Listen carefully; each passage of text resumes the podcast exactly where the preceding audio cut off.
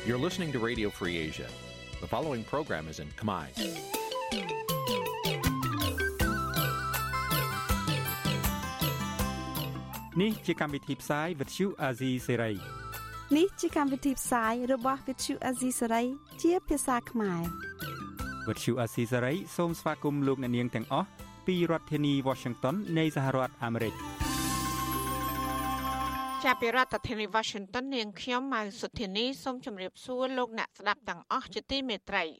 ចាយើង ខ្ញុំសូមជូនការផ្សាយសម្រាប់ព្រឹកថ្ងៃពុទ្ធ12រោចខែផុតបុត្រឆ្នាំថោះបัญចស័កពុទ្ធសករាជ2567ហើយដល់ត្រូវនឹងថ្ងៃទី11ខែតុលាគ្រិស្តសករាជ2023ជាដំបូងនេះសូមអញ្ជើញលោកអ្នកនាងកញ្ញាស្ដាប់ព័ត៌មានប្រចាំថ្ងៃដែលមានមេត្តាដូចតទៅ មន្ត្រីសង្គមស៊ីវិលស្នើតុលាការដោះលែងកញ្ញាសេងធីរី ក្នុងឱកាសពិធីបុណ្យភ្ជុំបិណ្ឌសហភាពអឺរ៉ុបនិងអង្គការសហប្រជាជាតិបន្តថ្កោលទោសការរំលោភសិទ្ធិមនុស្សធ្ងន់ធ្ងរនៅកម្ពុជា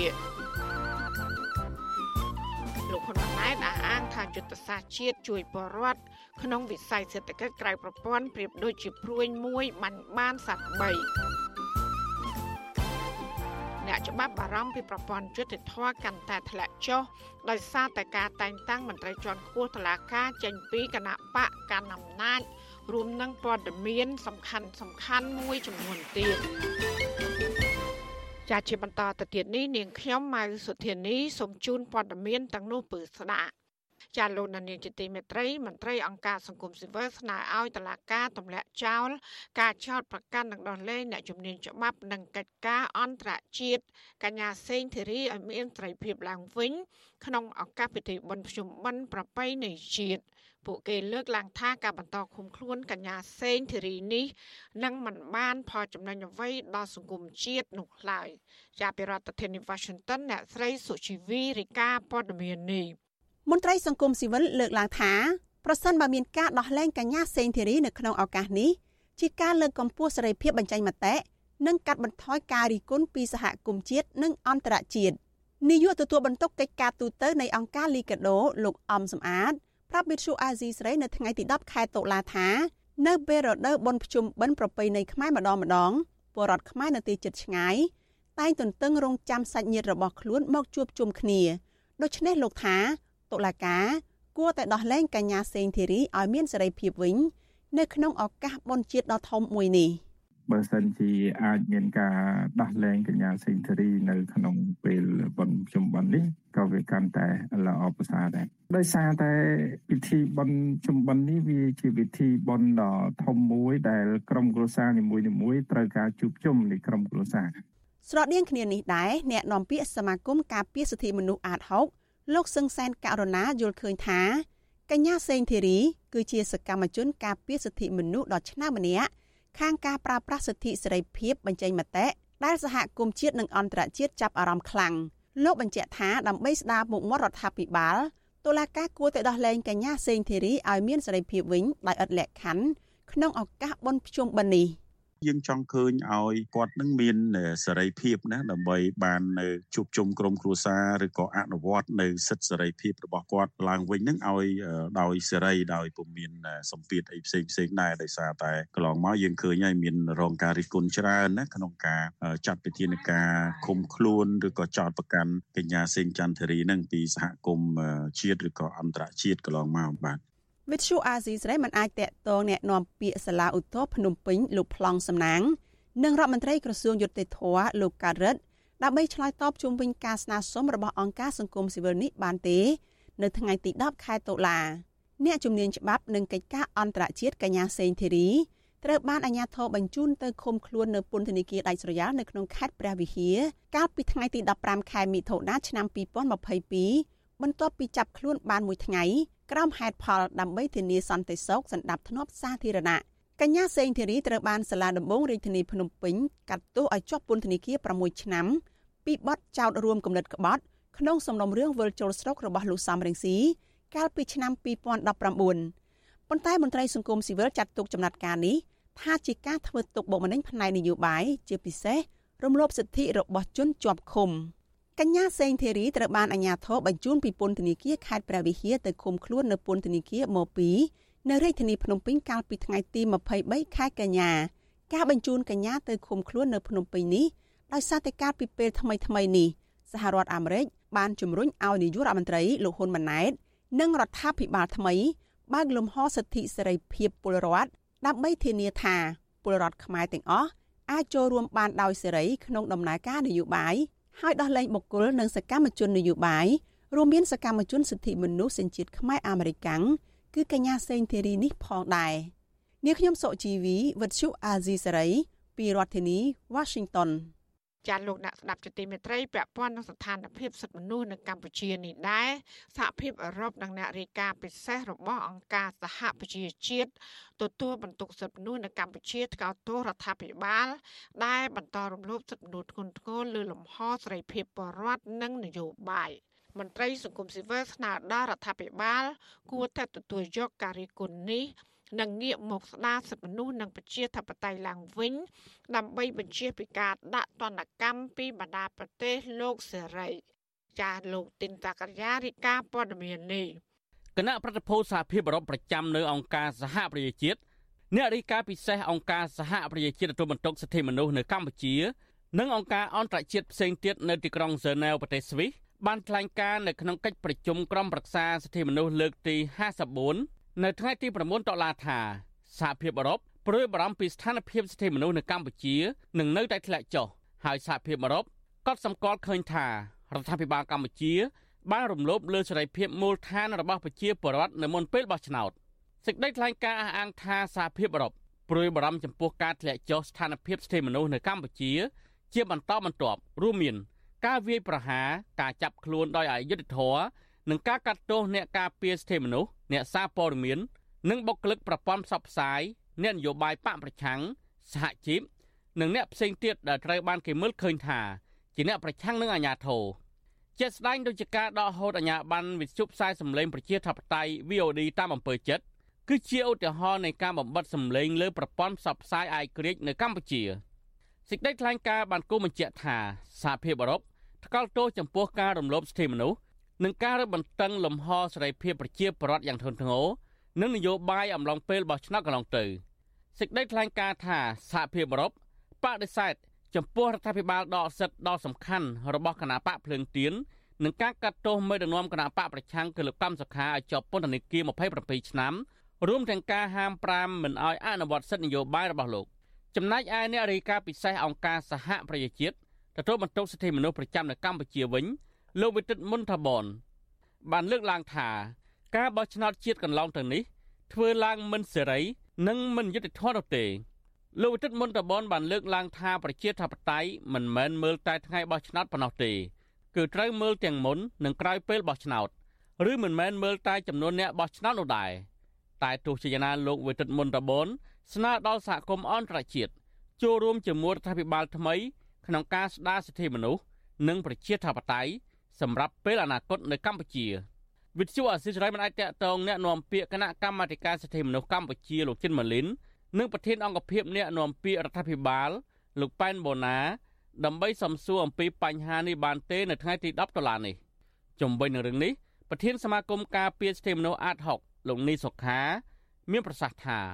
ដ្ឋាភិបាលគួរតែទទួលយកនិងកែលម្អបញ្ហាសិទ្ធិមនុស្សនេះជៀសវាងទទួលទណ្ឌកម្មពីសហគមន៍អន្តរជាតិបន្តទៀត។ យើងតែងតែលើកឡើងលើកទឹកចិត្តដល់រដ្ឋាភិបាលថាការទទួលស្គាល់ការពិតនិងយកការពិតមកធ្វើការដោះស្រាយវាជារឿងមួយដែលល្អវាមិនមែនជារឿងអាម៉ាស់សម្រាប់រដ្ឋាភិបាលទេផ្ទុយទៅវិញបើសិនជារដ្ឋាភិបាលលោកនៅតែបន្តគេហៅថាបដិសេធហើយអារឿងហ្នឹងនៅតែទុកឲ្យអូសបន្លាយខ្ញុំគិតថាអាហ្នឹងវាជារឿងមួយដែលប៉ះពាល់ដល់មុខមាត់របស់រដ្ឋាភិបាលនៅលើឆាកអន្តរជាតិហើយវាអាចធ្វើឲ្យប៉ះពាល់ទៅដល់បញ្ហា នៃការអភិវឌ្ឍប្រទេសជាតិមុនកិច្ចប្រជុំនេះមកដល់អង្គការសិទ្ធិមនុស្សអន្តរជាតិ Human Rights Watch អង្គការលើកលែងទោសអន្តរជាតិនិងអង្គការសិទ្ធិមនុស្សអន្តរជាតិផ្សេងទៀតកាលពីថ្ងៃទី8កញ្ញា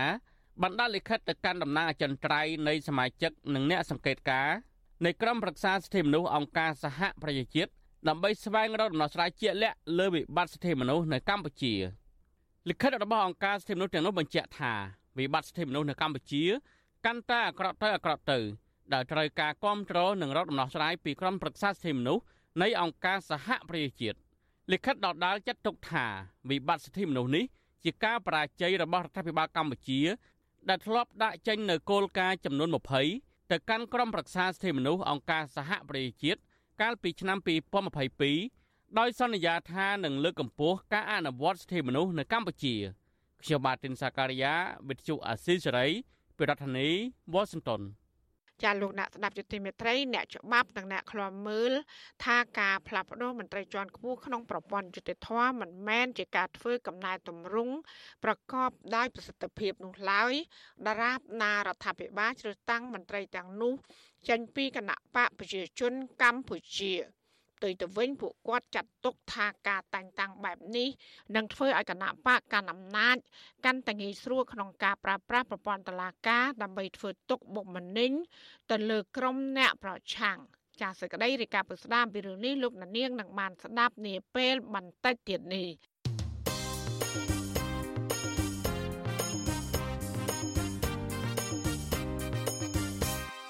ចាលោកនាយកជាទីមេត្រីលោកនាយករដ្ឋមន្ត្រីហ៊ុនម៉ាណែត អះអាងថាយុទ្ធសាស្ត្ររបស់រដ្ឋាភិបាលនឹងជួយប្រជាពលរដ្ឋក្នុងវិស័យសេដ្ឋកិច្ចក្រៅប្រព័ន្ធប្រៀបដូចជាព្រួយមួយបាញ់បានសត្វ3ដើម្បីកាត់បន្ថយភាពក្រីក្រនិងការលើកកម្ពស់សេដ្ឋកិច្ចជាតិទោះយ៉ាងណាអ្នកធ្វើការងារលើវិស័យនេះជំរុញទៅរដ្ឋាភិបាលគួរតែដោះស្រាយបញ្ហានេះដោយមានឆន្ទៈពិតប្រាកដមិនមែនដោះស្រាយតែមួយឆាវនោះឡើយចាលោកទីនតាការីយ៉ាមានសេចក្តីរាយការណ៍ដាច់ដライមួយទៀតជំវិញព័ត៌មាននេះយុទ្ធសាស្ត្រជាតិស្តីពីអភិវឌ្ឍសេដ្ឋកិច្ចក្រៅប្រព័ន្ធឆ្នាំ2023ដល់ឆ្នាំ2028របស់រដ្ឋាភិបាលថ្មីដើម្បីគ្រប់គ្រងបរិវត្តនៅក្នុងវិស័យសេដ្ឋកិច្ចក្រៅប្រព័ន្ធរដ្ឋផ្ដោតសំខាន់ចំណុចអតិភិបដូចជាការកាត់បន្ថយភាពក្រីក្រ និងវិសមភាពសង្គមពង្រឹងភាពធន់សេដ្ឋកិច្ចសង្គមនិងជំរុញកំណើនសេដ្ឋកិច្ចជាតិនាយករដ្ឋមន្ត្រីហ៊ុនម៉ាណែតលើកឡើងថាបរិវត្តក្នុងវិស័យសេដ្ឋកិច្ចក្រៅប្រព័ន្ធ ជាបរិវត្តដែលស្ថិតនៅក្នុងចំណោមបរិវត្តមានហានិភ័យនិងជាប្រជាបរិវត្តក្រីក្រលោកបន្តថានៅពេលរដ្ឋាភិបាលអនុវត្តគោលនយោបាយនេះនឹងរុញផលប្រយោជន៍ជូនដល់បរិវត្តក្រីក្រឲ្យកាន់តែមានជីវភាពខ្ពស់ដើម្បីតាមមកបិទនៅគម្លាតជាមួយនឹងអ្នកដែលមានលទ្ធភាពទាំងមានអ្នកជោគជ័យគឺយើងបង្កើននៅគេថាគោលនយោបាយអភិវឌ្ឍដោយសមត្ថភាពបានន័យថាយើងរុញ ការកាត់បន្ថយភាពក្រីក្រនៅក្នុងប្រជាពលរដ្ឋនេះគឺយើងបានលើកកម្ពស់នៅកម្រិតជីវភាពរបស់ប្រជាពលរដ្ឋយើងទាំងអស់និងសំខាន់បំផុតផលប្រយោជន៍បានទៅដល់ដៃប្រជាពលរដ្ឋក្រីក្រនេះគឺជាគោលដៅអតិភិបមួយដែលយើងបាននៅក្នុងការពង្រឹងប្រជាពលរដ្ឋនៅខាងក្រៅលោកហ៊ុនម៉ាណែតលើកឡើងដូចនេះក្នុងពិធីប្រកាសដោយអនុវត្តជាផ្លូវការយុទ្ធសាស្ត្រជាតិស្តីពីការអនុវត្តសេដ្ឋកិច្ចក្រៅប្រព័ន្ធឆ្នាំ2023ដល់ឆ្នាំ2028កាលពីថ្ងៃទី10ដុល្លារក្នុងរាជធានីភ្នំពេញ យុទ្ធសាស្ត្រជាតិស្តីពីការអភិវឌ្ឍសេដ្ឋកិច្ចក្រៅប្រព័ន្ធឆ្នាំ2023ដល់ឆ្នាំ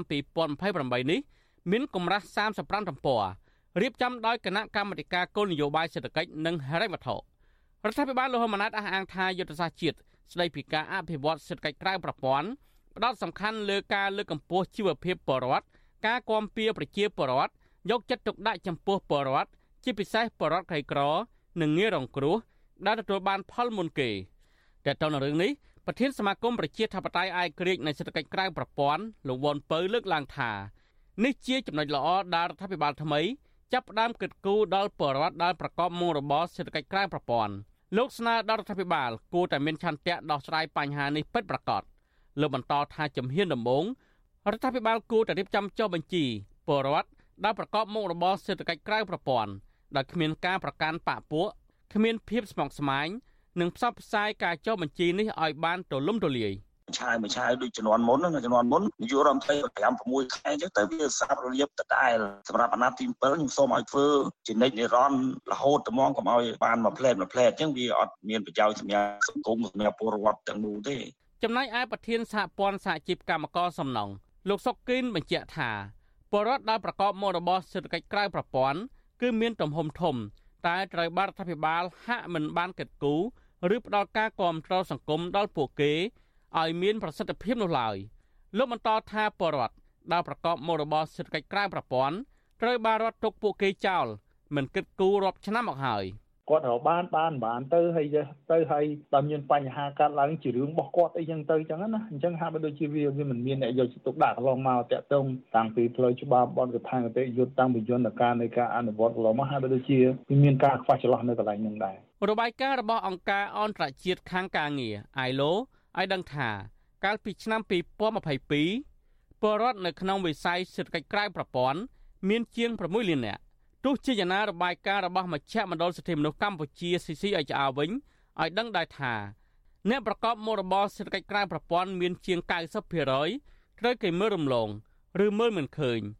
និងបន្តស្ថិតនៅក្នុងភាពក្រីក្រដដែលពួកគេខ្លះនៅពេលជួបបញ្ហាគ្រោះថ្នាក់នៅកន្លែងការងារមិនទទួលបានសេវាកិច្ចគាំពារសង្គមពីរដ្ឋនោះទេពលគឺពួកគេត្រូវចំណាយប្រាក់ផ្ទាល់ខ្លួនដើម្បីព្យាបាលជំងឺជាដើម ខ្ញុំបាទទីនសាការីយ៉ាអស៊ីសេរីប្រធានាធិបតី Washington លោកនានីជាទីមេត្រីដំណើរធាននឹងស្ដាប់ការផ្សាយរបស់វិទ្យុអស៊ីសេរី តាមបណ្ដាញសង្គម Facebook YouTube និង Telegram លោកនាងក៏អាចស្ដាប់ការផ្សាយរបស់យើង តាមរលក ធាតុអាកាសខ្លីឬ Shortwave តាមកម្រិតនិងកម្ពស់ដូចតទៅ ចាប់ពីព្រឹកចាប់ពីម៉ោង5កន្លះដល់ម៉ោង6កន្លះ តាមរយៈប៉ុស SW 12.14 MHz ស្មើនឹងកម្ពស់ 25m និងប៉ុស SW 13.71 MHz ស្មើនឹងកម្ពស់ 22m ចាសម្រាប់ពេលយប់វិញគឺចាប់ពីម៉ោង7កន្លះដល់ម៉ោង8កន្លះគឺតាមរយៈប៉ុស SW 9.33 MHz ស្មើនឹងកម្ពស់ 32m ប៉ុស SW 11.88 MHz ស្មើនឹងកម្ពស់ 25m និងប៉ុស SW 12.15 MHz ស្មើនឹងកម្ពស់ 25m ចាសសូមអរគុណ ចាលោកដានៀងជាទីមេត្រីដោយឡែកតកតងនឹងស្ថានភាពផ្ទុះអាវុធនៅប្រទេសអ៊ីស្រាអែលវិញប្រជាពលរដ្ឋនិងយុវជនសោកស្ដាយដែលអាញាធរកម្ពុជាមិនព្រមជំលះនិស្សិតនិងប្រជាពលរដ្ឋខ្មែរដែលកំពុងប្រឈមគ្រោះថ្នាក់ដល់អាយុជីវិតដោយសារតែការប្រយុទ្ធតទល់គ្នារវាងកងជីវពលហាម៉ាស់និងកងទ័ពអ៊ីស្រាអែលត្រឡប់មកកម្ពុជាវិញនោះ ពួកគាត់ចាត់ទុកថាទង្វើរបស់អាញាធរនិងរដ្ឋាភិបាលកម្ពុជា ថាជាការកិច្ចវេះនិងគ្មានការទទួលខុសត្រូវក្នុងនាមជាអ្នកការពារសុវត្ថិភាពជូនប្រជាពលរដ្ឋចាលោកមានរដ្ឋាភិការពឹស្ដាជំវិញព័ត៌មាននេះដូចតទៅក្រមយុវជន លើកឡើងថារដ្ឋាភិបាលកម្ពុជា គួរតែបញ្ចេញកញ្ចប់ថវិកាជាតិ ដើម្បីជួយដល់និស្សិតខ្មែរដែលកំពុងជាប់ក្នុងស្ថានភាពគ្រោះថ្នាក់នៅជិតតំបន់ហ្គាហ្សាដើម្បីធានាដល់អាយុជីវិតរបស់ពួកគាត់សកម្មជនចលនាមេដាធម្មជាតិលោកលីច័ន្ទដារាវុធប្រាវិសុវអាស៊ីស្រីនៅថ្ងៃទី10ខែតុលាថាការដែលរដ្ឋាភិបាលកម្ពុជាសម្រេចមិនបញ្ជូនយន្តហោះទៅជំលះពលរដ្ឋខ្មែរចេញពីប្រទេសអ៊ីស្រាអែលហាក់ដូចជារដ្ឋាភិបាល កំពុងតែគេចវេះពីការទទួលខុសត្រូវរបស់ខ្លួនក្នុងនាមជាអ្នកធានាការពារអាយុជីវិតរបស់ពលរដ្ឋខ្លួនឯងលោកបន្តថាការទុកឲ្យនិស្សិតខ្មែរឲ្យនៅក្នុងប្រទេសអ៊ីស្រាអែលគឺមិនមែនជាការរួមសុខរួមទុក្ខនោះទេ ផ្ទុយទៅវិញគឺជាបន្ទុករបស់អាជ្ញាធរអ៊ីស្រាអែលទៅវិញទេប៉ះសិនបើក្រុមជីវពលប្រដាប់អាវុធហាម៉ាសចាំនិស្សិតខ្មែរធ្វើជាចំណាប់ខ្មាំង ខ្ញុំយល់ថាកម្ពុជាលើពីមានលទ្ធភាពនៅក្នុងការការពារនិស្សិតរបស់ខ្លួនណាទីមួយខ្ញុំយល់ថាវិធីសាស្ត្រដែលល្អហើយខ្ញុំបានដឹងដំណឹងថារដ្ឋាភិបាលហ្នឹងក៏បានធ្វើប្រាបដាដែរតាមរយៈកិច្ចឯករដ្ឋទូតរបស់ខ្លួនហ្នឹងគឺជំលះនិស្សិតដែលនៅក្បែរតំបន់កាហ្សាហ្នឹងចេញទៅតំបន់ផ្សេងដែលយើងអាចធ្វើបានជំនាញដំបងយល់ថាជារឿងល្អហើយយើងអាចមានផ្លូវផ្សេងទៀតដូចជាជំលះនិស្សិតហ្នឹងចេញពីប្រទេសអ៊ីស្រាអែលទៅកាន់ប្រទេសណាដែលមានព្រំប្រទល់ជាប់អ៊ីស្រាអែលដើម្បីឲ្យគាត់ហ្នឹងអាចស្នាក់នៅប្រទេសនោះមួយរយៈពេល បើទោះជាមាននិស្សិតខ្មែរម្នាក់ឈ្មោះច័ន្ទឧត្តមបានស្លាប់ក្នុងព្រឹត្តិការណ៍វាយប្រយុទ្ធគ្នារវាងក្រុមជីវពលប្រដាប់អាវុធហាម៉ាស់ជាមួយកងទ័ពអ៊ីស្រាអែលនិងនិស្សិតខ្មែរជាច្រើនអ្នកផ្សេងទៀតកំពុងរត់ទីណាត់ទីណែងទៅរកកន្លែងមានសុវត្ថិភាពក៏ដោយក៏រហូតមកទល់ពេលនេះរដ្ឋាភិបាលកម្ពុជា នៅមិនទាន់មានគម្រោងជំលះនិស្សិតនិងពលរដ្ឋខ្មែរចេញពីទឹកដីអ៊ីស្រាអែលនៅឡើយទេកម្ពុជាពុំមានស្ថានទូតប្រចាំនៅប្រទេសអ៊ីស្រាអែលផ្ទាល់នោះទេ កន្លងទៅក្រសួងការបរទេសកម្ពុជាអះអាងថាស្ថានទូតរបស់ខ្លួនប្រចាំនៅប្រទេសទួរគី និងប្រទេសអេស៊ីបឯណោះកំពុងបន្តតាមដាន និងទំនាក់ទំនងដោយផ្ទាល់ជាមួយនិស្សិតនិងពលរដ្ឋកម្ពុជា នៅក្នុងប្រទេសអ៊ីស្រាអែលនិងជាមួយអាជ្ញាធរអ៊ីស្រាអែល ព្រះសង្ឃគង់នៅខេត្តបាត់ដំបងព្រះដេចគុណហួតសុគន្ធសោកស្ដាយដែលអាញាធរកម្ពុជាគ្មានវិធានការជាក់លាក់ដើម្បីជំលះនិស្សិតខ្មែរមកកម្ពុជាវិញក្នុងពេលដែលអាញាធរនៃប្រទេសថៃបានបញ្ជូនយន្តហោះទ័ពអាកាសទៅទទួលពលរដ្ឋរបស់គេព្រះដេចគុណមានថេរដីកាបន្តថាការជំលះពលរដ្ឋខ្មែរចេញពីប្រទេសអ៊ីស្រាអែលមិនមែនជាភាពអាត្មានិយមរបស់កម្ពុជានោះទេ ផ្ទុយទៅវិញរដ្ឋាភិបាលត្រូវគិតគូរពីសុខភាពរបស់ពលរដ្ឋខ្លួនជាធំ ដោយឡែកទៅប្រជាពលរដ្ឋយើងគឺចោលឆ្អឹងនៅស្រុកគេហើយចោលឆ្អឹងហ្នឹងមិនមែនចោលឆ្អឹងធម្មតាទេដោយសារសង្គ្រាមទៅទៀតហើយជាពិសេសគឺធ្វើបែបហ្នឹងគឺពិបាកទឹកចិត្តដល់យុវជនដែលគ្នាគិតថាគ្នាមានឱកាសក្នុងការអភិវឌ្ឍសមត្ថភាពហើយយកចំណេះដឹងមកអភិវឌ្ឍប្រទេសហ្នឹងប្រាប់តែគាត់ទទួលបានប៉ុណ្ណឹងបាក់ទឹកចិត្តហ្មងយុវជនឬក៏អ្នកដែលទៅរៀនក្រៅក្រៅទៀតហ្នឹងចង់យកចំណេះដឹងមកអភិវឌ្ឍប្រទេសគ្រាន់តែឃើញទស្សនវិជ្ជាប៉ុណ្ណឹងបាត់បង់បាត់បង់ទឹកចិត្តក្នុងការជួយប្រទេសជាតិបាទអញ្ចឹងអាត្មាគិតថាប៉ុណ្ណឹងអត់ទាន់គ្រប់គ្រាន់ទេ ដោយឡែកអ្នកសិក្សាការអភិវឌ្ឍសង្គមនិងជាអ្នកវិភាគនយោបាយបណ្ឌិតមាសនេះបានបង្ហោះសារនៅលើទំព័រ Facebook របស់លោកថាលោកចង់ឃើញរដ្ឋាភិបាល មានវិធានការថ្មីជាងនេះពលគឺមិនមែនគ្រាន់តែអំពាវនាវឲ្យពលរដ្ឋខ្លួនឯងខំស្មៅប្រុងប្រយ័ត្ននោះទេ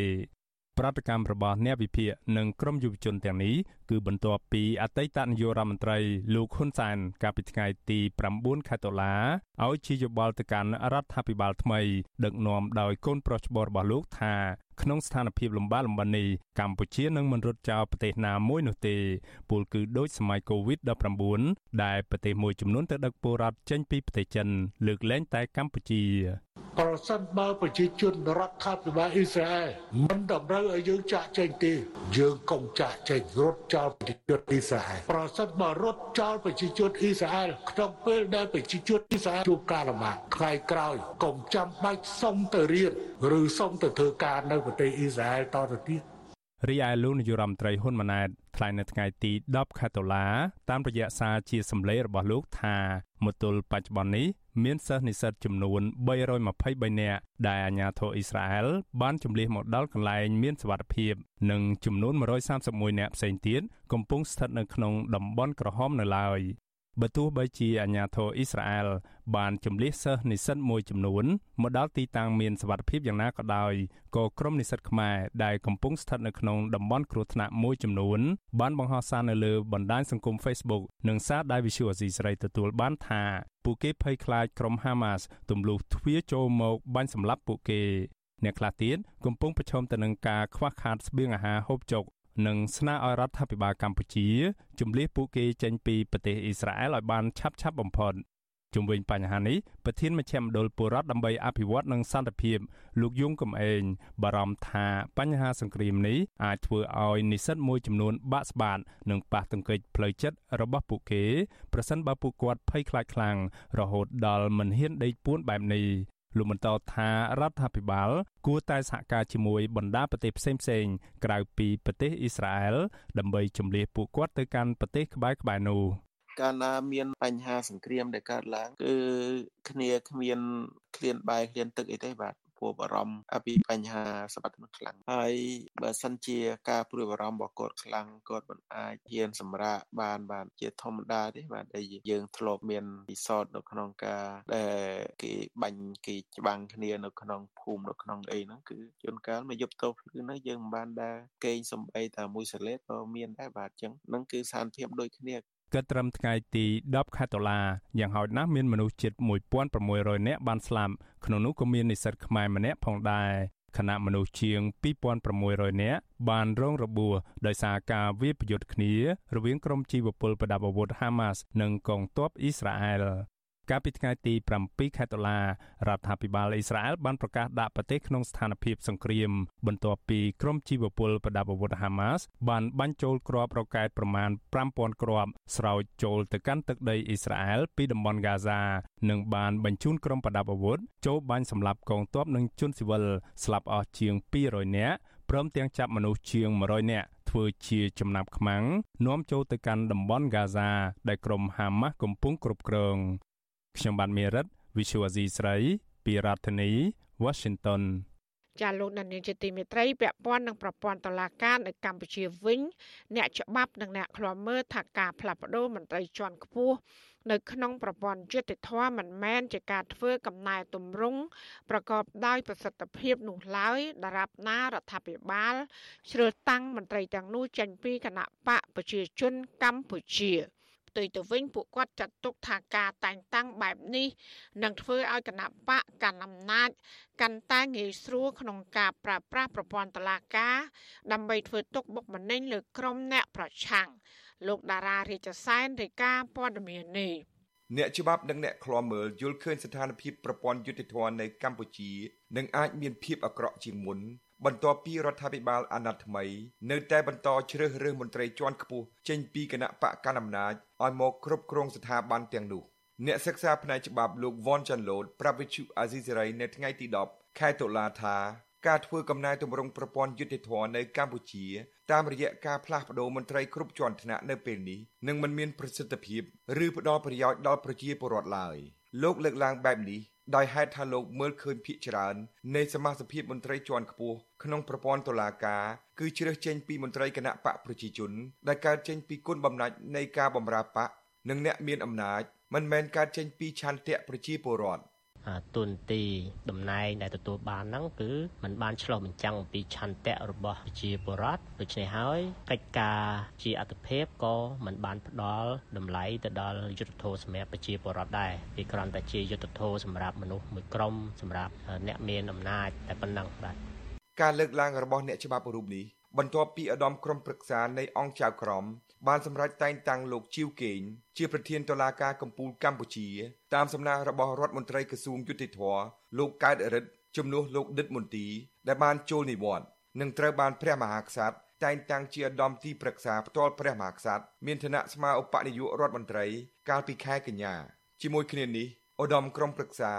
នៃអង្គចៅក្រមក៏បានតែងតាំងមុខតំណែងប្រធាន អនុប្រធាន និងចៅក្រមចំនួន47រូបផ្សេងទៀត នៅតុលាការកំពូលសាលាឧទ្ធរនិងសាលាដំបងរាជធានីខេត្តផងដែរលោកជីវកេងអាយុ72ឆ្នាំ គឺជាសមាជិកគណៈកម្មការធិការកណ្ដាលនៃគណៈបកប្រជាជនកម្ពុជា និងជាអតីតប្រធានសាលាដំបងរាជធានីភ្នំពេញកាលពីថ្ងៃទី14ខែសីហាលោកត្រូវបានរដ្ឋមន្ត្រីក្រសួងយុតិធធលោកកើតរិទ្ធ តែងតាំងជាអនុប្រធានតុលាការកំពូលឲ្យទទួលបន្ទុកជាប្រធានស្ដីទីតុលាការកំពូលមុននឹងទទួលការតែងតាំងជាប្រធានតុលាការកំពូលពេញសិទ្ធិស្នាដៃរបស់លោកជីវកេងដែលលេចធ្លោជាងគេនោះគឺការចូលរួមសម្រេចលើសវនាការរំលាយគណៈបកសង្គ្រោះជាតិដែលមានអាសនៈសភាតំណាងរាស្ត្រចំនួន55អាសនៈកាលពីខែវិច្ឆិកាឆ្នាំ2017ដឹកនាំដោយលោកដិតមន្ទី ដែលកាលនោះគឺជាប្រធានតឡាការកម្ពុជានិងជាប្រធានក្រុមប្រឹក្សាជំនុំជម្រះវិទ្យុអាស៊ីសេរីមិនអាចតាក់ទងប្រធានតឡាការកម្ពុជាលោកជីវកេងនិងអ្នកនាំពាក្យក្រសួងយុតិធធលោកជិនម៉ាលីនដើម្បីសុំការបកស្រាយជុំវិញរឿងនេះបានទេ នៅថ្ងៃទី10តុលាតាក់ទិននឹងរឿងនេះប្រធានក្រុមប្រឹក្សាឃ្លាំមើលកម្ពុជានៅប្រទេសណូវេលោកប៉ែនណាតលើកឡើងថាការតែងតាំងមន្ត្រីជាន់ខ្ពស់មកពីគណៈបកកណ្ដាលអំណាច ឲ្យមកកាន់តួនាទីកម្ពុជាក្នុងស្ថាប័នតុលាការនឹងធ្វើឲ្យប្រព័ន្ធយុតិធធកាន់តែដើរថយក្រោយដោយគណៈបកកណ្ដាលអំណាចកាន់តែមានភាពងាយស្រួលក្នុងការប្រើប្រាស់ច្បាប់ធ្វើជាអាវុធដើម្បីធ្វើទុកបុកម្នេញលើសកម្មជននយោបាយនិងសកម្មជនសិទ្ធិមនុស្សដែលតែងតែរិះគន់លើភាពអវិជ្ជមានរបស់រដ្ឋាភិបាល។ អញ្ចឹងមិនថាជាវគេងឬដិតមន្ទីរឬអ្នកណាក៏ដោយដែលជាមន្ត្រីធំធំរបស់តុលាការហ្នឹងមាននរណាមួយដែលអាចធ្វើឲ្យប្រព័ន្ធតុលាការហ្នឹងយុត្តិធម៌បានទេប៉ុន្តែវាធ្វើការដើម្បីតែការពារផលប្រយោជន៍គណៈបកទេហើយមិនបានការពារផលប្រយោជន៍របស់ប្រជាពលរដ្ឋទេពីព្រោះមន្ត្រីតុលាការហ្នឹងជាមន្ត្រីរបស់គណៈបកមួយអ្នកច្បាប់និងអ្នកឃ្លាំមើលយល់ឃើញថាប្រសិនបើរដ្ឋាភិបាលកម្ពុជាចង់ធ្វើកំណែទម្រង់ច្បាប់ដើម្បីផ្ដល់យុត្តិធម៌ដល់សង្គមនិងពលរដ្ឋមែននោះ ក្រសួងយុតិធ៌ដែលជាសេនាធិការត្រូវជ្រើសរើសមន្ត្រីដែលគ្មានជាប់ពាក់ព័ន្ធនឹងរឿងនយោបាយឲ្យមកគ្រប់គ្រងស្ថាប័នតុលាការនិងមិនត្រូវដាក់គំនាបសង្កត់ឬមានការបង្ខិតបង្ខំណាមួយលើមន្ត្រីទាំងនោះដើម្បីអាចឲ្យពួកគេបំពេញការងារស្របទៅតាមវិជ្ជាជីវៈឯករាជ្យនិងអព្យាក្រឹតខ្ញុំដារ៉ារីជសែន With you Aziz Ray ទីក្រុង Adelaide ចាលោកនានីជាទីមេត្រីពាក់ព័ន្ធនឹងគណៈបកនយោបាយវិញគណៈបកភ្លើងទៀនរួមនឹងគណៈបកប្រឆាំងចំនួន3ផ្សេងទៀតក្រុងនឹងចុះហត្ថលេខាលើសេចក្តីថ្លែងការណ៍រួម ស្តីពីការបង្កើតសម្ព័ន្ធភាពឆ្ពោះទៅអនាគតនៅថ្ងៃទី11ខែតុលានេះគណៈបកកណ្ដាលអំណាចមិនខ្វល់ចំពោះការប្រកាសចងសម្ព័ន្ធភាព របស់ក្រុមគណៈបកប្រឆាំងឡើយក៏ប៉ុន្តែអ្នកវិភាគថាការចងសម្ព័ន្ធភាពនេះ និងផ្ដល់ផលចំណេញច្រើនដល់គណៈបកប្រឆាំងចាលោកថាថៃរាយការណ៍ព័ត៌មាននេះការព្យាយាមចងសម្ព័ន្ធភាពរបស់គណៈបកភ្លើងទៀនជាមួយនឹងគណៈបកក្រៅរដ្ឋាភិបាលផ្សេងទៀតដែលមានគោលជំហរគោលដៅនិងគោលនយោបាយប្រហាក់ប្រហែលគ្នានោះនៅពេលនេះចាប់ផ្ដើមទទួលបានលទ្ធផលបណ្ដាបណ្ដាហើយគណៈបកភ្លើងទៀនចេញសេចក្តីប្រកាសព័ត៌មាននៅថ្ងៃទី10តុលាថាគណៈបកមួយនេះរួមនឹងគណៈបក3ទៀត គឺគណៈបកប្រជាធិបតេយ្យមូលដ្ឋានគណៈបកឆន្ទៈខ្មែរនិងគណៈបកកែតម្រង់កម្ពុជានឹងប្រារព្ធពិធីចុះហត្ថលេខាលើសេចក្តីថ្លែងការណ៍រួមស្តីពីការបង្កើតសម្ព័ន្ធភាពឆ្ពោះទៅអនាគតពិធីចុះហត្ថលេខានេះនឹងធ្វើនៅសន្តាគារ Sofitel ភ្នំពេញនៅព្រឹកថ្ងៃទី11ខែតុលាអ្នកនាំពាក្យគណៈបកភ្លឹងទៀនលោកគឹមសូភិរិទ្ធប្រវត្តិជអាស៊ីសេរីបន្ថែមថាការចង់សម្ព័ន្ធភាពគ្នារបស់គណៈបកទាំង4នៅពេលនេះ គឺដើម្បីគិតគូរអំពីការបោះឆ្នោតឃុំសង្កាត់នៅឆ្នាំ2027និងការបោះឆ្នោតជាតិឆ្នាំ2028លោកបន្តថាដោយសារតែសម្ពាធនយោបាយកាន់តែតឹងតែងជាងមុនដូច្នេះការបង្រួបបង្រួមកម្លាំងគ្នារបស់អ្នកប្រជាធិបតេយ្យឲ្យកាន់តែរឹងមាំគឺជារឿងចាំបាច់ដើម្បីស្ដារប្រជាធិបតេយ្យនិងសិទ្ធិមនុស្សឡើងវិញ។ គាត់តែតែជាការចាប់ផ្ដើមទេហើយអ្វីៗយើងនឹងរៀបចំជជែកគ្នាតទៅទៀតពីព្រោះនៅមានពេលវេលាប៉ុន្តែគាត់ថាយើងចាប់ផ្ដើមធ្វើសកម្មភាពរួមគ្នាណាជាបដាបដាហើយណាដែលអាចរួមគ្នាបានដើម្បីមិនយើងអាចធ្វើកិច្ចការក្នុងការស្ដារនៅលំហប្រជាធិបតេយ្យក៏ដូចជាសិទ្ធិសេរីភាពរបស់ប្រជាពលរដ្ឋនិងសិទ្ធិសេរីភាពក្នុងការមានមតិយោបល់អញ្ចឹងឡើងឲ្យវាទូលំទូលាយជាងមុនការពន្លឿនចង់សម្ព័ន្ធភាពគ្នានេះ គឺដោយសាររដ្ឋាភិបាលដឹកនាំដោយគណៈបកប្រជាជនកម្ពុជានិងស្ថាប័នរៀបចំការបោះឆ្នោតបន្តបំបិទសិទ្ធិមិនឲ្យគណៈបកភ្លើងទៀនចូលរួមការបោះឆ្នោតជាបន្តបន្ទាប់ក្រុមហេតុផលបច្ចេកទេសថាគណៈបកនេះបាត់ឯកសារដើមនៃការចុះបញ្ជីគណៈបកឆ្លើយតបរឿងនេះអ្នកនាំពាក្យគណៈបកប្រជាជនកម្ពុជាលោកសុកអេសានថ្លែងថាការចង់សម្ព័ន្ធភាពគណៈបកប្រឆាំងទាំងនេះគឺជាសិទ្ធិប៉ុន្តែលោកមើលស្រាលថាសម្ព័ន្ធភាពនេះនឹងមិនទទួលបានលទ្ធផលល្អដោយក្តីប្រាថ្នានោះទេ ខ្ញុំយល់ថាគណៈបកដែលចងសម្ព័ន្ធភាពជាមួយគ្នាសុទ្ធតែជាគណៈបកដែលចាញ់ឆ្នោតដូច្នេះចាញ់បូកនឹងចាញ់អានឹងវាទៅចាញ់ច្រើននេះមិនមែនជារឿងថ្មីទេដែលគណៈបកកណ្ដាលអំណាចតែងលក់លើចំពោះគណៈបកប្រឆាំងលោកហ៊ុនសែនធ្លាប់ប្រដូចគណៈបកសង្គ្រោះជាតិដែលកើតចេញពីការចងសម្ព័ន្ធភាពគ្នារវាងគណៈបកសំរងស៊ីនិងគណៈបកសិទ្ធិមនុស្សថាគ្រាន់តែជាគណៈបកព្យុះក្នុងក្អមប៉ុណ្ណោះនិងគ្មានអធិបុលអ្វីទាក់ទាញរោគសម្លេងឆ្នោតបានទេ ប៉ុន្តែគណៈបកសង្គ្រោះជាតិបានคล้ายជាព្យុះក្រៅក្អមបកបកគណៈបកកណ្ដាលអំណាចស្ទើរធ្លាក់ពីកៅអីនៅទីបំផុតគណៈបកកណ្ដាលអំណាចបានបដូរយុទ្ធសាស្ត្រនិងប្រើវិធីមិនស្របច្បាប់គ្រប់បែបយ៉ាងដើម្បីរំលាយគណៈបកសង្គ្រោះជាតិដែលគេមើលឃើញថាដោយសារតែគណៈបកកណ្ដាលអំណាចខ្លាចចាញ់ឆ្នោតដូចគ្នានេះដែរអ្នកខ្លាំមើលយល់ថាប្រសិនបើសម្ព័ន្ធភាពឆ្ពោះទៅអនាគតនេះគ្មានការប្រេះឆាគ្នាហើយអាចបន្តដង្ហើមដល់នាទីចុងក្រោយនៃការបោះឆ្នោតវាអាចនឹងជាអតិពលអាក្រក់ដល់គណៈបកកណ្ដាលអំណាច អ្នកជំនាញវិទ្យាសាស្ត្រនយោបាយនិងទំនាក់ទំនងអន្តរជាតិលោកអែមសវណ្ណារាថ្លែងថាការបង្រួបបង្រួមកម្លាំងរវាងគណៈបកភ្លឹងទៀនជាមួយនឹងគណៈបកជំទាស់ផ្សេងទៀតនេះគឺជាកត្តាសំខាន់មួយធ្វើឲ្យកម្លាំងឬមានតុល្យភាពក្នុងការប្រកួតប្រជែងការបោះឆ្នោតឆ្នាំ2027និងឆ្នាំ2028ជាមួយនឹងគណៈបកកណ្ដាលអំណាច ហើយបើសិនជាបានរួមបាននៅគណៈបកដែលមានទិសដៅឬក៏ជំហរប្រជាធិបតេយ្យពិតប្រាកដនៅមានកម្លាំងមួយដែលមិនអាចស្មើនឹងគណៈបកសង្គ្រោះជាតិឆ្នាំ2013ទេប៉ុន្តែវាអាចមានកម្លាំងមួយអាចដំប្រសងគ្នានឹងគណៈបកហៅថាភ្លើងទៀនឆ្នាំ2012នោះនិងគណៈបកសិទ្ធិមនុស្សនោះតែបើរួមគ្នាធ្វើសមាជទៅជាគណៈបកតែមួយបាននៅក្នុងការរួមគ្នានេះអាចមានកម្លាំងប្រកួតប្រជែងជាមួយនឹងគណៈបកណាដូចនៅក្នុងកំឡុងឆ្នាំ2012ដែរ នេះអាស្រ័យទៅលើគណៈបកទៅទៅដែលរួមគ្នានោះតែមានឆន្ទៈបញ្ចូលគ្នាជាបកតែមួយឬអត់បាទទោះជាយ៉ាងណាអ្នកនាំពាក្យគណៈបកភ្លើងទៀនអះអាងថាគណៈបកទាំង4ដែលចង់សម្ព័ន្ធភាពគ្នានេះសុទ្ធតែមានគោលដៅនិងឆន្ទៈដូចគ្នាដោយគិតអំពីផលប្រយោជន៍ជាតិនិងប្រជាពលរដ្ឋជាសំខាន់ហើយប្រសិនបើពួកគាត់គិតអំពីផលប្រយោជន៍ផ្ទាល់ខ្លួននោះនឹងទៅចូលរួមក្នុងឧត្តមក្រុមប្រឹក្សាពិគ្រោះនិងផ្ដល់យោបល់ដែលបង្កើតឡើងដោយរដ្ឋាភិបាលមិនខានឡើយអ្នកនាំពាក្យគណៈបកភ្លើងទៀនជឿជាក់ថា សម្ព័ន្ធភាពឆ្ពោះទៅអនាគតនេះនឹងក្លាយជាកម្លាំងដ៏រឹងមាំរបស់ក្រុមអ្នកប្រជាធិបតេយ្យហើយនឹងផ្ដល់ផលចំណេញច្រើនដល់ប្រជាពលរដ្ឋខ្ញុំថាថៃពីទីក្រុងមែលប៊នចាលោកនាងជាទីមេត្រីដែលឡាយតាក់ទងនឹងជំងឺឆ្លងផ្ដាសាយបាក់សី H5N1 វិញ មន្ត្រីសង្គមស៊ីវិលជំរុញដល់ក្រសួងសុខាភិបាលឲ្យបង្កើនការផ្សព្វផ្សាយវិធីការពារជំងឺឆ្លងមួយនេះទៅដល់ប្រជាពលរដ្ឋនៅតាមមូលដ្ឋានឲ្យបានទូលំទូលាយខណៈដែលមានមនុស្សពីរនាក់ហើយបានស្លាប់ដោយសារជំងឺឆ្លងមួយនេះ ជំងឺផ្ដាសាយបាសី H5N1 គឺជាជំងឺឆ្លងគ្រុនផ្ដាសាយទៅលើសត្វបណ្ដាលឲ្យប៉ះពាល់ផ្លូវដង្ហើមធ្ងន់ធ្ងរនិងរលាកខួរក្បាល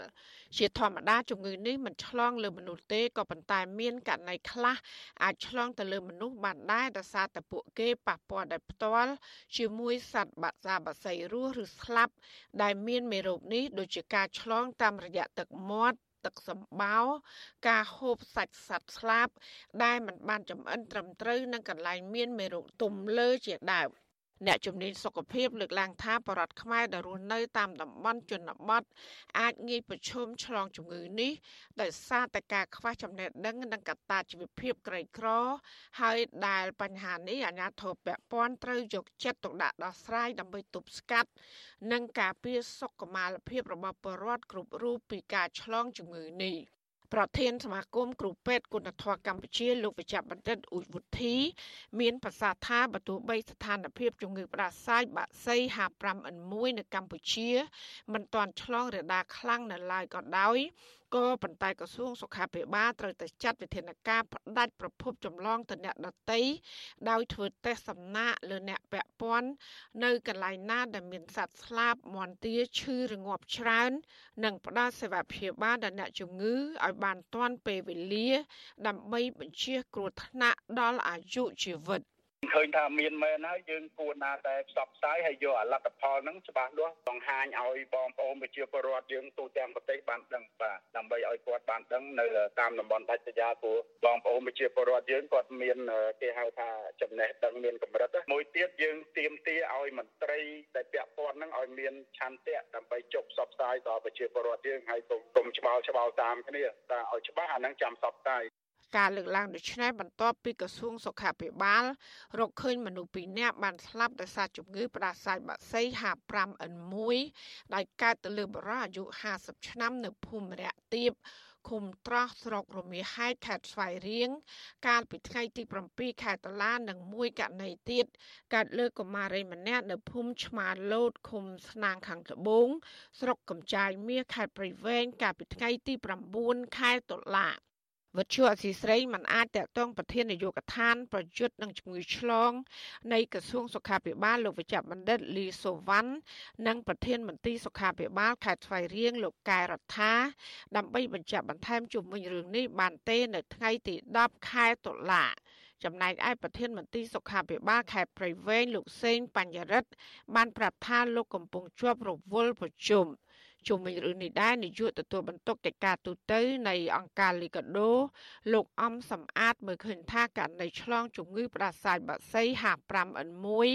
បណ្ដាលឲ្យប្រជាប្រដ្ឋស្លាប់តែងតែកើតមានឡើងខណៈក្រសួងសុខាភិបាលកន្លងមកហាក់អសកម្មក្នុងការផ្សព្វផ្សាយអប់រំទៅដល់ប្រជាពលរដ្ឋឲ្យយល់ដឹងនិងប្រុងប្រយ័ត្នមុនពេលដែលជំងឺនេះផ្ទុះឡើង លោកថាប្រកាសដែលមានរូបផ្ទុះឡើងបែបនេះក្រសួងសុខាភិបាលត្រូវស្វែងរកប្រភពឬមូលហេតុចម្លងជំងឺនេះព្រមទាំងជួយអន្តរាគមន៍ផ្នែកសុខភាព និងតម្រូវការរបស់ប្រជាពលរដ្ឋដើម្បីឲ្យពួកគាត់គេចផុតពីជំងឺផ្ដាសាយបក្សីនេះ។ បណ្ណករណីនេះវាជាបទពិសោធន៍មួយហើយសម្រាប់ក្រសួងសុខាភិបាលដោយស្ថាប័នពាក់ព័ន្ធនៅក្នុងការពិនិត្យនិងពិចារណារកវិធានការក្នុងការទប់ស្កាត់លើបញ្ហាទាំងអស់នោះព្រោះទី1បើសិនជាកើតហើយវិធានការចម្បងគឺការទប់ស្កាត់ដើម្បីកុំឲ្យមានការឆ្លងតទៅទៀតអញ្ចឹងការទប់ស្កាត់ការអប់រំការផ្សព្វផ្សាយនិងវិធានការក្នុងការសម្លាប់មេរោគឬក៏ការទប់ស្កាត់កុំឲ្យមានការវិធានការឆ្លងអីផ្សេងៗហ្នឹងអាហ្នឹងគឺ ត្រូវមានការយកចិត្តទុកដាក់អង្គការសុខភាពពិភពលោកឲ្យដឹងថារោគសញ្ញាដំបូងដំបូងនៃជំងឺផ្ដាសាយបាក់សី H5N1 ដែលឆ្លងទៅមនុស្សរួមមានឈឺពោះឈឺទ្រូងរាករូសគ្រុនក្តៅ39អង្សាឡើងទៅក្អកហៀសម្បោឈឺបំពង់កឈឺសាច់ដុំដង្ហក់និងពិបាកដល់ដង្ហើម ជំងឺផ្ដាសាយបក្សីនេះគ្មានថ្នាំចាក់បង្ការនោះទេក៏ប៉ុន្តែអង្គការសុខភាពពិភពលោកផ្ដល់អនុសាសន៍ដល់ប្រជាពលរដ្ឋដែលចិញ្ចឹមសត្វឬធ្វើចំនួនសត្វគួរចាក់ថ្នាំបង្ការជំងឺគ្រុនប្រសាយតាមរដូវដើម្បីកាត់បន្ថយហានិភ័យខ្ពស់នៃការវិវត្តឈឺធ្ងន់ដោយសារការឆ្លងជំងឺប្រសាយបាក់សី H5N1 ក្រសួងសុខាភិបាលឲ្យដឹងថាចាប់តាំងពីឆ្នាំ2005មក ប្រទេសកម្ពុជាមានករណីឆ្លងជំងឺផ្ដាសាយបាក់សីកើតលើមនុស្សចំនួន59នាក់ក្នុងនោះស្លាប់40នាក់ហើយនៅក្នុងឆ្នាំ2023នេះគឺមានចំនួន3ករណីដែលកើតមានឡើង ចាលោកនានីជាទីមេត្រីក្រុមអង្គការសង្គមស៊ីវិលនិងសហគមន៍ស្រឡាញ់ធនធានធម្មជាតិជាង20ស្ថាប័នទាមទារអរដ្ឋាភិបាលលោកហ៊ុនម៉ាណែតលុបចោលអាជ្ញាប័ណ្ណធ្វើអាជីវកម្មឈើឆ្លងដែន របស់ក្រុមហ៊ុនអង្គរ Plywood ការស្នើសុំនេះក្រោយពីសកម្មជននិងសហគមន៍មូលដ្ឋាន បានរកឃើញថាក្រុមហ៊ុននេះបានប្រមូលទិញឈើនិងកាប់ឈើចេញពីតំបន់ព្រៃការពារធម្មជាតិ ចាលោកយ៉ងច័ន្ទដារារាយការណ៍ព័ត៌មាននេះក្រុមអង្គការសង្គមស៊ីវិលនិងក្រុមអ្នកស្រឡាញ់ធនធានធម្មជាតិកាលពីថ្ងៃទី10ខែតុលាបាននាំគ្នាចេញសេចក្តីថ្លែងការណ៍រួមគ្នាទាមទារឲ្យរដ្ឋាភិបាលថ្មីលុបចោលអាជ្ញាប័ណ្ណធ្វើអាជីវកម្មនិងស៊ើបអង្កេតទៅលើក្រុមហ៊ុនអង្គរ Plywood ដែលបាននាំចេញឈើប្រភេទកម្រ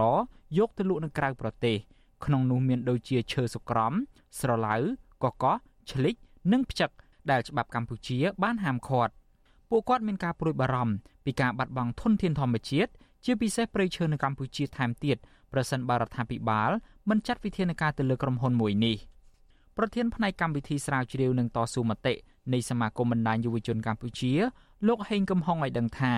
កន្លងទៅ អង្គការជាតិនិងអន្តរជាតិតែងតែរកឃើញការប្រមូលឈើខុសច្បាប់ជាច្រើនចេញពីតំបន់ព្រៃការពារដោយក្រុមហ៊ុនបានដាក់ពង្រាយក្រុមហ៊ុនដៃគូរបស់ខ្លួន នៅក្បែរតំបន់ការពារ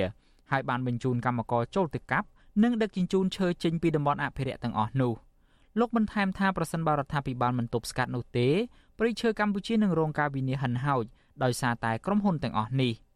ហានិភ័យដ៏ធំបើសិនជាក្រុមហ៊ុននេះនៅតែបន្តធ្វើការនាំចេញឈើ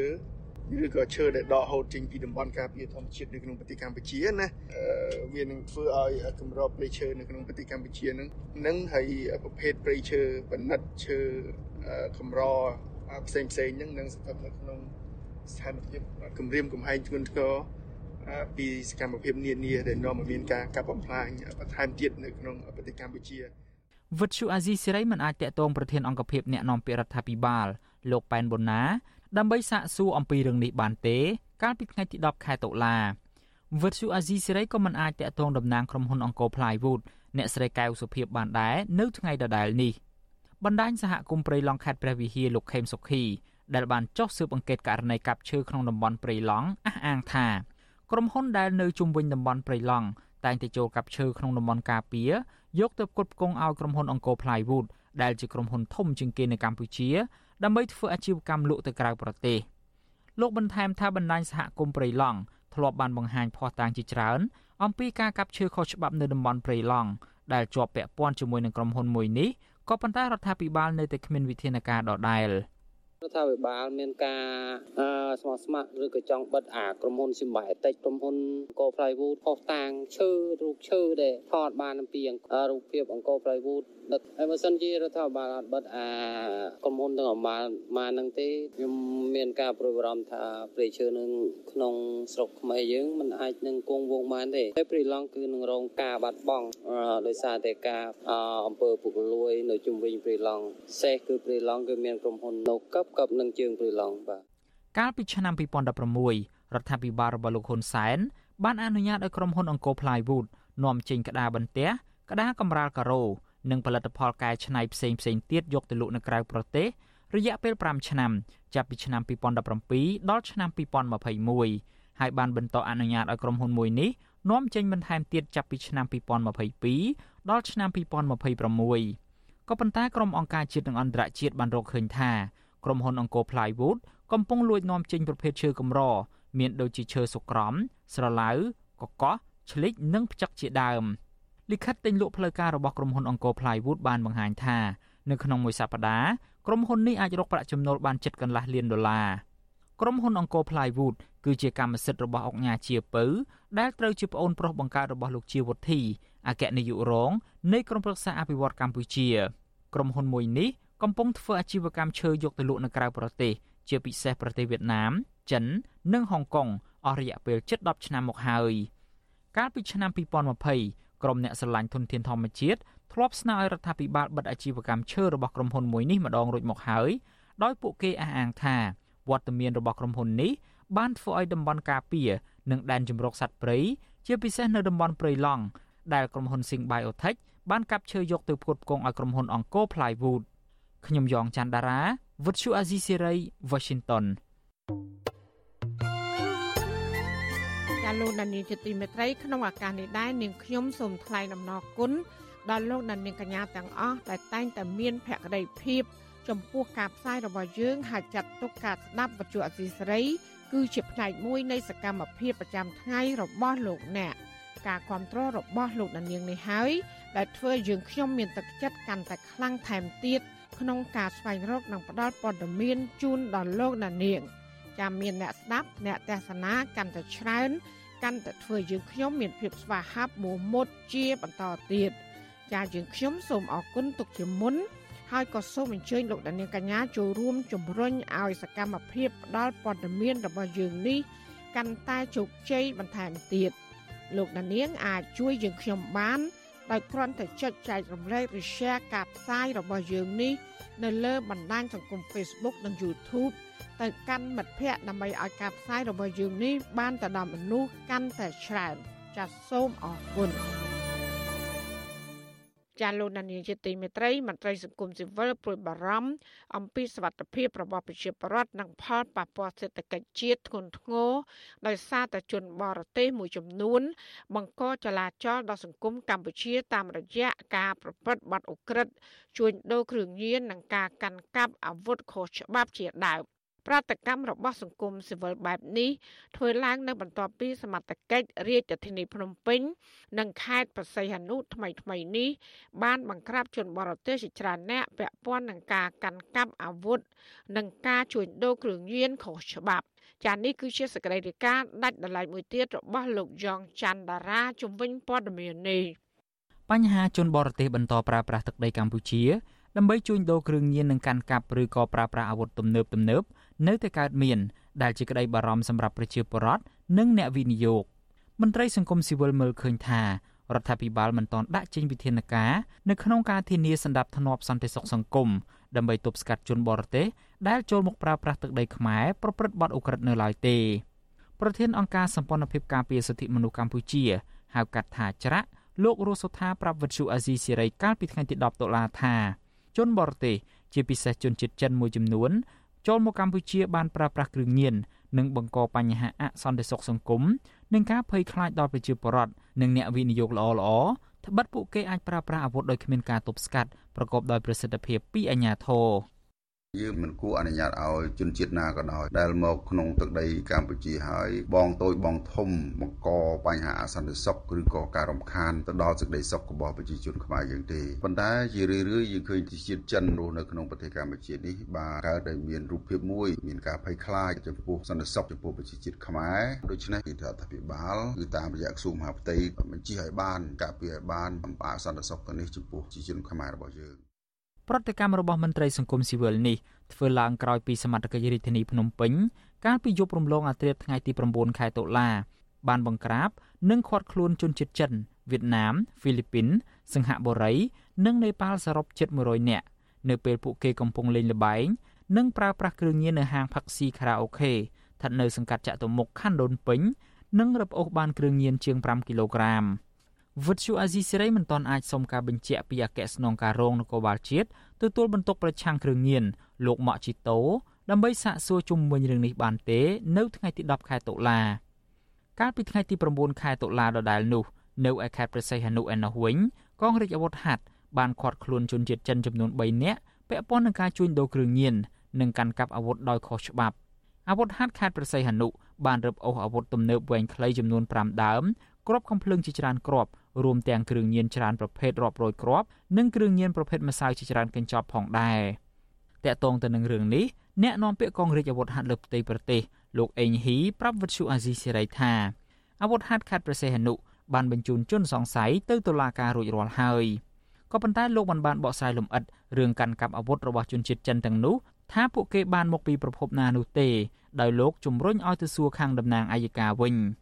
ច្បាស់ការគឺសូមឲ្យសួរទៅខាងអัยការព្រោះដោយសារអัยការជាអ្នកថ្លែងការណ៍និងពាក់ព័ន្ធនឹងជាមួយការដឹកនាំខាងកងរាជវហាត់គឺបានត្រឹមព័ត៌មានប៉ុណ្ណឹងទេបាទចំពោះកងរាជវហាត់គឺឲ្យតែមានករណីដែលពាក់ព័ន្ធគឺយើងមកក្រាបហើយអញ្ចឹងយើងធ្វើការស្រាវជ្រាវតែដោយសារការស្រាវជ្រាវនេះគឺនៅក្រោមការដឹកនាំសម្របរបស់អัยការអញ្ចឹងយើងឆ្លើយបានត្រឹមប៉ុណ្ណឹង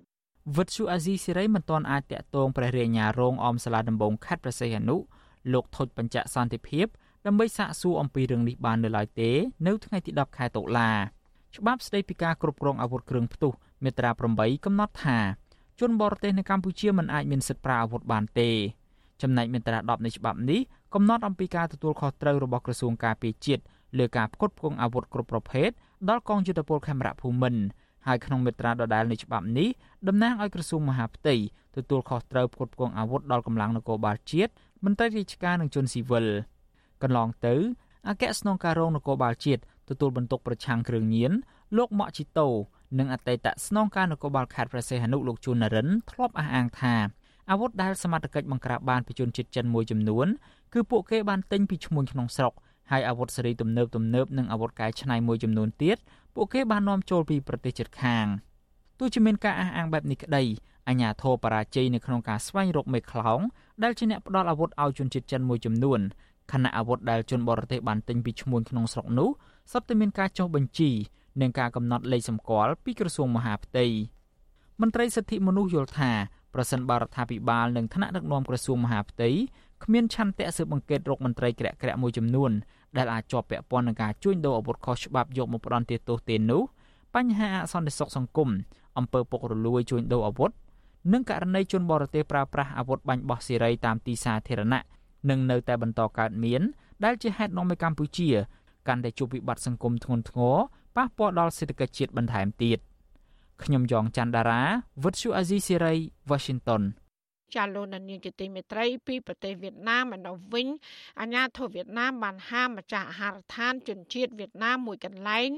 នៅក្នុងខេត្តផ្សារដែកដែលវៀតណាមហៅថាខេត្តដុងថាប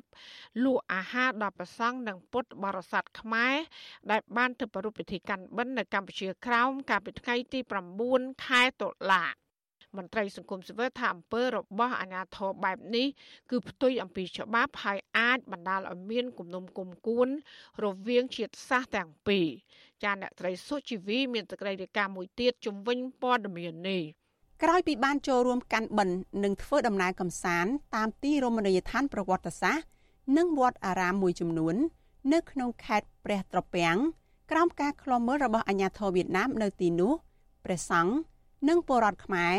បានធ្វើដំណើរទៅខេត្តមាត់ជ្រូកដើម្បីឆ្លងដែនចូលប្រទេសកម្ពុជាប៉ុន្តែនៅតាមផ្លូវឆ្ពោះទៅកាន់ព្រំដែននៅក្នុងខេត្តមាត់ជ្រូកនោះអាជ្ញាធរវៀតណាមបានហាមឃាត់មិនឲ្យម្ចាស់ហាងលក់អាហារដល់ពួកគេនោះឡើយព្រះសង្ឃដែលចូលរួមពិធីកាន់បិណ្ឌនៅកម្ពុជាក្រោមប្រដេចប្រគុណលឹមប៊ុនថាត មានថេរដីកាថា ចាប់តាំងពីថ្ងៃដែលព្រះអង្គនិងពុទ្ធបរិស័ទខ្មែរ ធ្វើដំណើរចូលទៅខេត្តព្រះត្រពាំងប្រទេសវៀតណាមកាលពីថ្ងៃទី6ខែតុលាអាញាធរវៀតណាមបានឃាត់ឡានសាកសួរចំនួន2លើក ដែលប៉ះពាល់ទៅដល់ពេលវេលាធ្វើដំណើរអស់ជាច្រើនម៉ោងលុះដល់ពេលត្រឡប់មកវិញក្បួនរថយន្តទាំង3គ្រឿងបានឈៀងចូលវត្តមួយកន្លែងនៅក្នុងខេត្តមាត់ជ្រូកតែជាអកុសល នៅពេលរថយន្តក្រុងឈប់នៅចំណតនៅខេត្តផ្សារដែកដើម្បីស្វែងរកអាហារបែជាអាញាធរវៀតណាមហាមឃាត់អាជីវករ មិនឲ្យលក់អាហារឲ្យព្រះសង្ឃនិងពុទ្ធបរិស័ទខ្មែរនោះទេញាតិញោមពុទ្ធបរិស័ទគាត់ថាគាត់ទៅញ៉ាំបាយនៅហ្នឹងដោយសារតែចិត្តដល់ម៉ោងត្រូវញ៉ាំបាយហើយនឹងចិត្តដល់ម៉ោងចង្ហាន់ប្រសងហើយដូច្នេះក៏គាត់គិតថាញ៉ាំបាយនៅហ្នឹងអញ្ចឹងទៅប៉ុន្តែដោយសារតែពេលដែលយើងចុះទៅក៏ស្រាប់តែគេថាអត់មានចង្ហាន់សម្រាប់ប្រសងទេអត់មានចង្ហាន់ត្រៀមសម្រាប់ពួកយើងទេដោយសារតែគ្នាយើងទៅច្រើនពេកគេធ្វើអត់តន់អីណានៃចឹងទៅហើយក៏យើងគិតថាបើ មិនបានធ្វើចង្ហាន់នឹងទាន់ក៏យើងអាចទិញអាហារសម្រន់ផ្សេងផ្សេងដែលនៅចិត្តនឹងហ្នឹងយើងទិញយកមកទុកហូបនៅនៅលើឡានឬក៏ប្រគេនប្រសងជាងទៅប៉ុន្តែគេថាដេញតកងឡានគឺអត់ឲ្យនៅយូរទេឲ្យចេញទៅព្រះសង្ឃនិងពុទ្ធបរិស័ទខ្មែរជិត130នាក់កាលពីថ្ងៃទី6ខែតុលាបានធ្វើដំណើរតាមរថយន្តក្រុង ទៅចូលរួមពិធីបុណ្យកាន់បិណ្ឌនៅដែនដីខ្មែរកម្ពុជាក្រោម ក៏ប៉ុន្តែពួកគេត្រូវបានអាជ្ញាធរវៀតណាមតាមយាយីរំខាន បំផិតបំភ័យដោយខាត់រថយន្តសួររកឯកសារដូចជាលិខិតឆ្លងដែនជាដើមបើទោះបីជាពួកគេត្រូវប៉ូលីសព្រំដែនវៀតណាម បានបោះត្រាអនុញ្ញាតឲ្យចូលទៅកាន់ប្រទេសវៀតណាមរួចហើយក៏ដោយក្នុងអំឡុងពេលធ្វើដំណើរកំសាន្តទៅតាមទីប្រវត្តិសាស្ត្រនានា នៅដែនដីកម្ពុជាក្រោមដូចជាទៅមើលដើមឈើទាលអុកញ៉ាសឿនគុយជាដើមនោះ អាញាធរវៀតណាមដែលស្លៀកពាក់ស៊ីវិលបានតាមឃ្លាំមើលសកម្មភាពពួកគេជាប្រចាំព្រះអង្គលឹមប៊ុនថាតស្នើដល់អាញាធរប្រទេសវៀតណាមបើកលំហសេរីភាពក្នុងការដើរហើររបស់ភ្ញៀវទេសចរនិងពុទ្ធបរិស័ទកម្ពុជា ដែលមានបំណងចូលទៅលេងកម្សាន្តឬទៅធ្វើបុណ្យទាននៅក្នុងប្រទេសវៀតណាមអាត្មាសង្កេតឃើញតាំងពីថ្ងៃដែលគាត់បានចាក់ចេញពីកម្ពុជាទៅចូលដល់ទឹកដីខាងវៀតណាមទោះបីជាគាត់ និយាយថាគាត់មិនបានទៅទុកចិត្តគេនៅតាមផ្លូវក៏ដោយស្អីក៏ដោយឲ្យតែធ្វើយ៉ាងណាបានតែធ្វើបុណ្យទៅដល់ទឹកដីព្រះពាំងនិងបានជួបបងប្អូនជាពលរដ្ឋខ្មែរក្រោមយើងគឺគាត់មិនមានការរុញរាទេព្រោះហើយគាត់គាត់និយាយថាលើកក្រោយគាត់នឹងមកទៀតគាត់មិនខ្លាចទេទោះបីតែគេធ្វើទុកបុកម្នេញគាត់ឲ្យគាត់គេងតាមផ្លូវតាមអីយ៉ាងណាក៏ដោយក៏គាត់នៅទៅទៀតបើមានឱកាសវិទ្យុអាស៊ីសេរីនៅពុំទាន់អាចតាក់ទងមន្ត្រីស្ថានទូតវៀតណាមប្រចាំនៅកម្ពុជា ដើម្បីសុំការឆ្លើយតបចំពោះបញ្ហានេះបាននៅឡើយទេ នៅថ្ងៃទី10ខែតុលារីឯអ្នកនាំពាក្យក្រសួងការបរទេសនិងកិច្ចសហប្រតិបត្តិការអន្តរជាតិលោកអានសុខឿនក៏វិទ្យុអាស៊ីសេរីមិនអាចតាក់ទងបានដែរនៅថ្ងៃដដែលនេះទោះជាយ៉ាងនេះក្តីអគ្គលេខាធិការសមាគមខ្មែរកម្ពុជាក្រោមដើម្បីសិទ្ធិមនុស្សនិងអភិវឌ្ឍលោកបណ្ឌិតសឿនជុំជួនមានប្រសាសន៍ថារដ្ឋាភិបាលនៃប្រទេសទាំងពីរគឺកម្ពុជានិងវៀតណាមគួ រតែបង្កើនកិច្ចពិភាក្សាគ្នាដើម្បីឲ្យភ្ញៀវទេសចរខ្មែរងាយស្រួលធ្វើដំណើរទៅកាន់ប្រទេសវៀតណាមដោយគ្មានការរំខាន និងការបំផិតបំភ័យពីសំណាក់អាជ្ញាធរវៀតណាមការហាន់ខុតការធ្វើគឺវាផ្ទុយទាំងស្រុងមកវាផ្ទុយទៅនឹងគោលការណ៍សិទ្ធិសេរីភាពរបស់ប្រជាពលរដ្ឋនៅក្នុងមិនថានៅក្នុងតំបន់អាស៊ានមិនថានៅប្រទេសណាក៏ដោយមិនថានៅប្រទេសវៀតណាមទេណាគឺវាផ្ទុយហើយអនុវត្តបែបនេះគឺវាផ្ទុយហើយណាសង្គមស៊ីវិលបារម្ភថាអំពើបែបនេះ អាចនឹងបណ្ដាលឲ្យមានគំនុំគុំគួនរវាងជាតិសាសន៍ប្រទេសទាំងពីរប្រសិនបរដ្ឋាភិបាលនៅតែបណ្តែតបណ្តោយឲ្យបញ្ហានេះបន្តកើតឡើងនិងគ្មានឆន្ទៈដោះស្រាយទេនោះនាងខ្ញុំសុជីវីវិទ្យុអាស៊ីសេរីពីរដ្ឋធានី Washington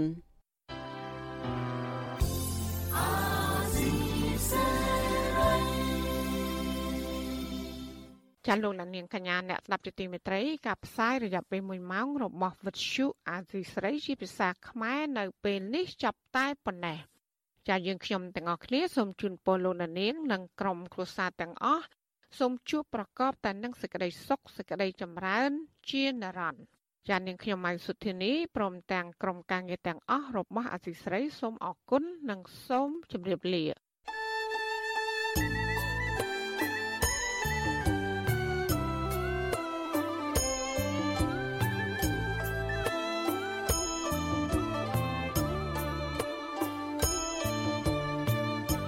វិទ្យុអាស៊ីសេរីផ្សាយតាមរលក ធារកាសខ្លីតាមកម្រិត និងកម្ពស់ដូចតទៅនេះ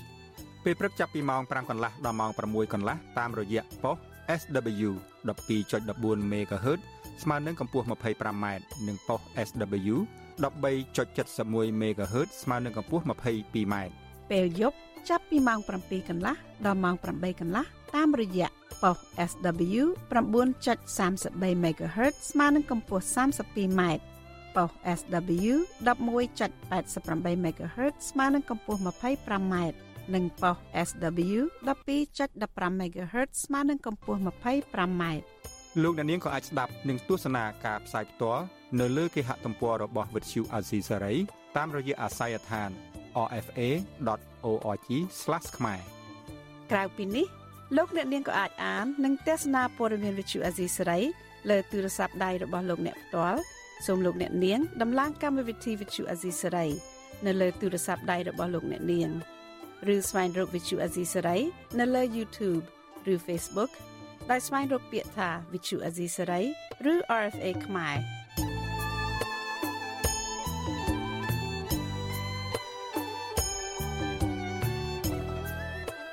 សូមលោកអ្នកនាងចុច like follow និងចុច subscribe ដើម្បីទទួលបានព័ត៌មានថ្មីៗទាន់ហេតុការណ៍ និងទស្សនាវីដេអូផ្សេងៗទៀតបានគ្រប់ពេលវេលា។